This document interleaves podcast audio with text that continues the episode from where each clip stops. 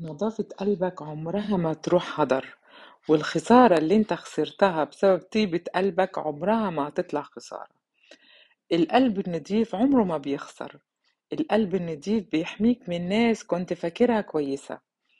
اوعى تخسر قلبك النضيف علشان ناس بتحاول تقنعك ان العالم بتاعنا ما بيصلحش ما بينفعش فيه قلب زي قلبك.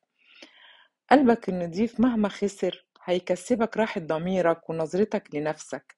اللي مش عارف يقدر قلبك النضيف هو الخسران وانت الكسبان.